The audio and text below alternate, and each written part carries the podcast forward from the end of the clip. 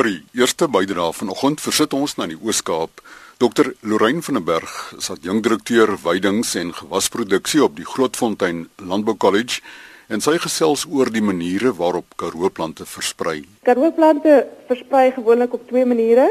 In die eerste plek is daar vegetatiewe verspreiding um, en dan in die tweede plek is daar verspreiding deur middel van aktiewe verspreiding. Nou vegetatiewe verspreiding is wanneer die plant wortelstokke maak byvoorbeeld wat by die ankerkaroo is soos 'n ankertjie maak en waar die dogterplant aan die grond anker, dan is daar eintlik 'n afsnyding wat plaasvind en dan het ons twee verskillende uh, plante.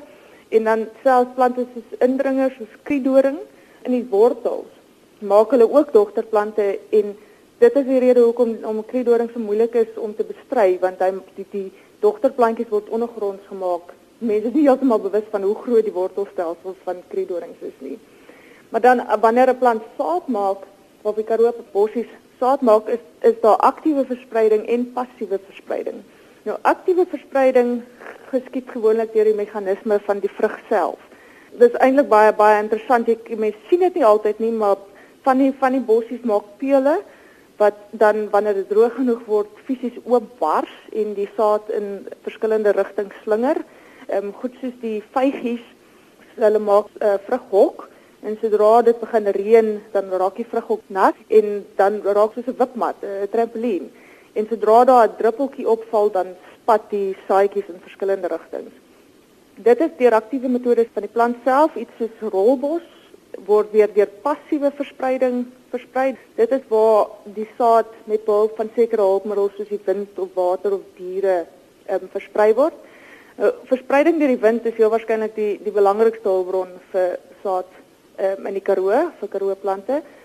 Party van die Karoo bossies het soos byvoorbeeld klappiesbrak. Die sade van die van die plant het vleuels of vlekkies wat maak dat dit oor lang afstande deur die wind gedra kan word. Iets soos kapokbos wat die pluisie maak, um, maak ook dat die die saadjie in die wind kan versprei.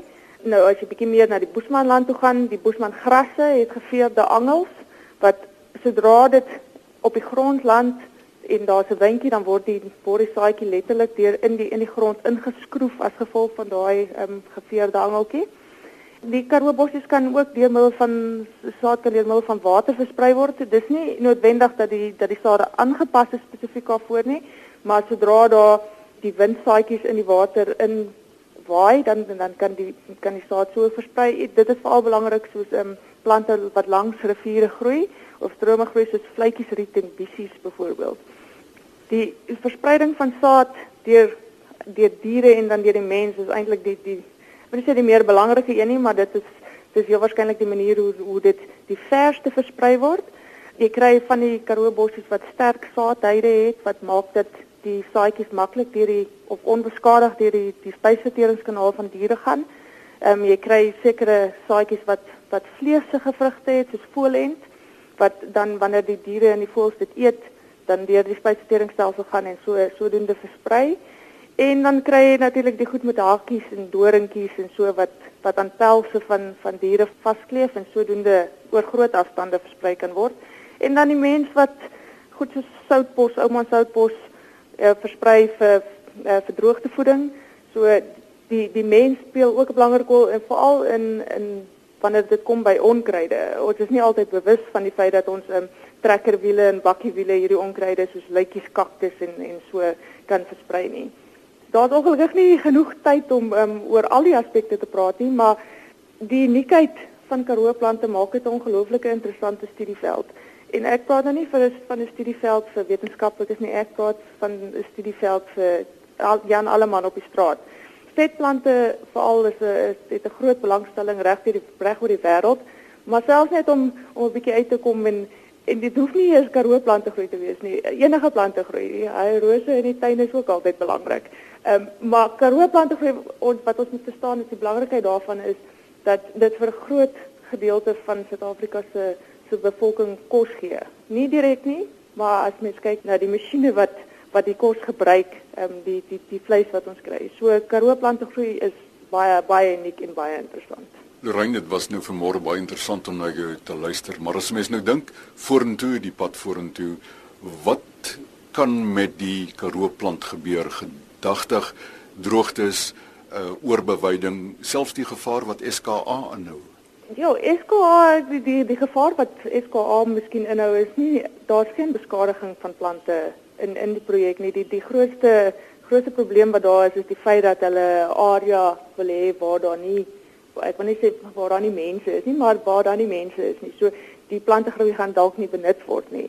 Maar ja, ehm um, oorbenutting is 'n baie is 'n baie groot probleem omdat Karoo bossies byvoorbeeld in teenstelling met met grasse wat 'n seisoen vat om te herstel na bewyding, kan Karoo bossies tot 'n jaar en 'n half vat om te herstel. So boere, veral boere wat ek mens wil nie beskuldigings maak nie, maar maar boere wat van stede afkom wat net 'n stukkie Karoo grond wil hê, 'n Karoo plaasie, um, is nie altyd bewus van hierdie dinge nie en dan kan dat tot 'n mate oorbewyding plaasvind en as daar nie genoeg gerus word nie, dan kan kan daar in die langtermyn 'n probleem kom. Ons het nou vanmôre hoofsaaklik gesels oor Karoo bosse, maar ehm um, watter gevaar kan of potensiële gevaar lê daar in wild wat toenemend suid beweeg? Ehm um, ja, ons noem ons noem van hierdie die trekbokke. Daar seker seker van die bokke soos kudus byvoorbeeld wat in sekere dele van die Karoo, ek wil sê probleme veroorsaak nie, maar wat wat se getalle toeneem as gevolg van 'n toename in die hoeveelheid doringbome. En en dan springbokke, ek weet nie ek, my ondervinding is dat boere nie altyd hulle sien nie die die gevaar in iets so springbokke nie. Wat hulle nie verstaan nie is dat 'n springbok dieselfde plante eet as wat skape eet. En dat 'n springbok is gelykstaande aan 'n skaap.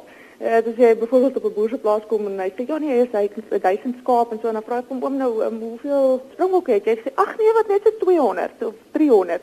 Wat hulle nie altyd besef nie is dat dit gelykstaande is aan 300 skape.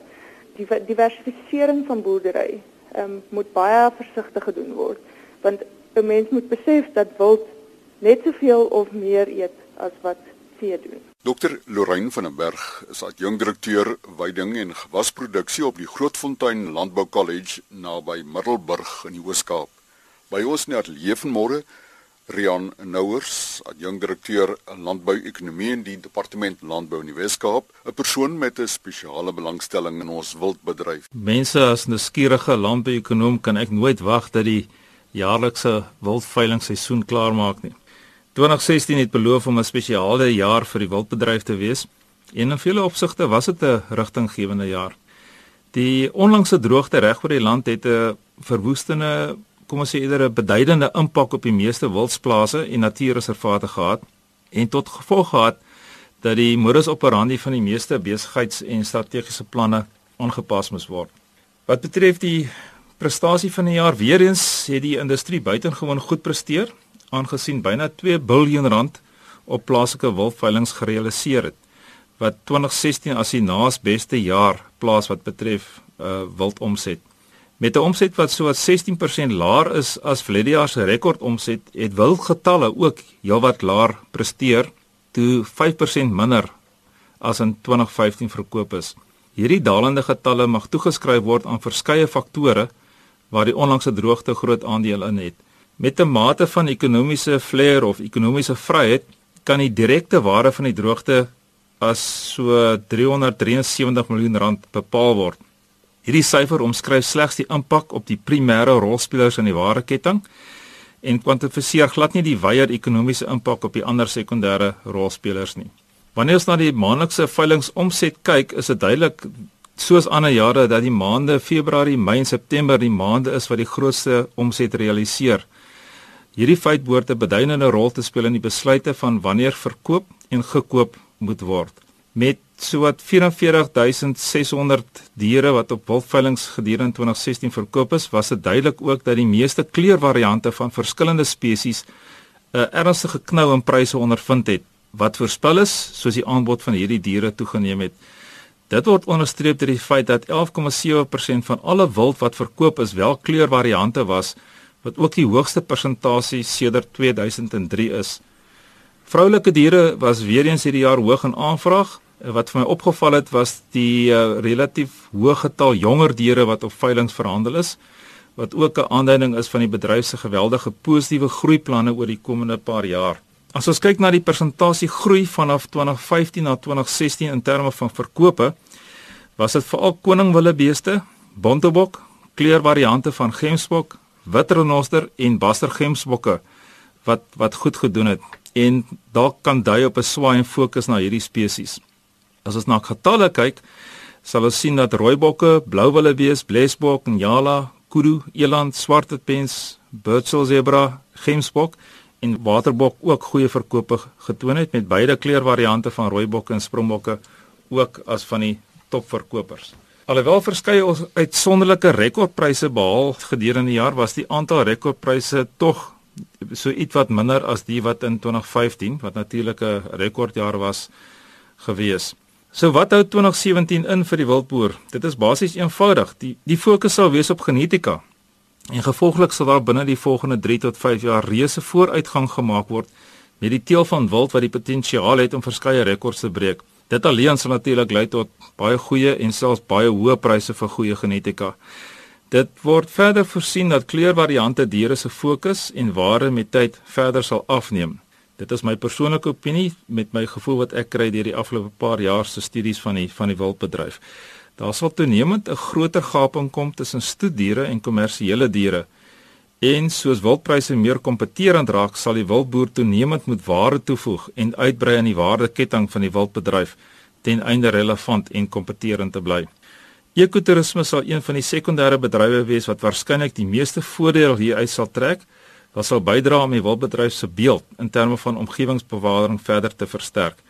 Nou ja, kom ons kyk wat hou 2017 vir ons in. Oor die wildbedryf het ons verneem van adjunkdirekteur landbou-ekonomie in die departement landbou Weskaap, Rian Nouers, sy e-pos rian r i a a n n by elsenburg.com die e-posadres van Dr Lorraine van der Berg L O R A I N E V D B by daf d a f f.gov.za tot 'n volgende keer goeie wense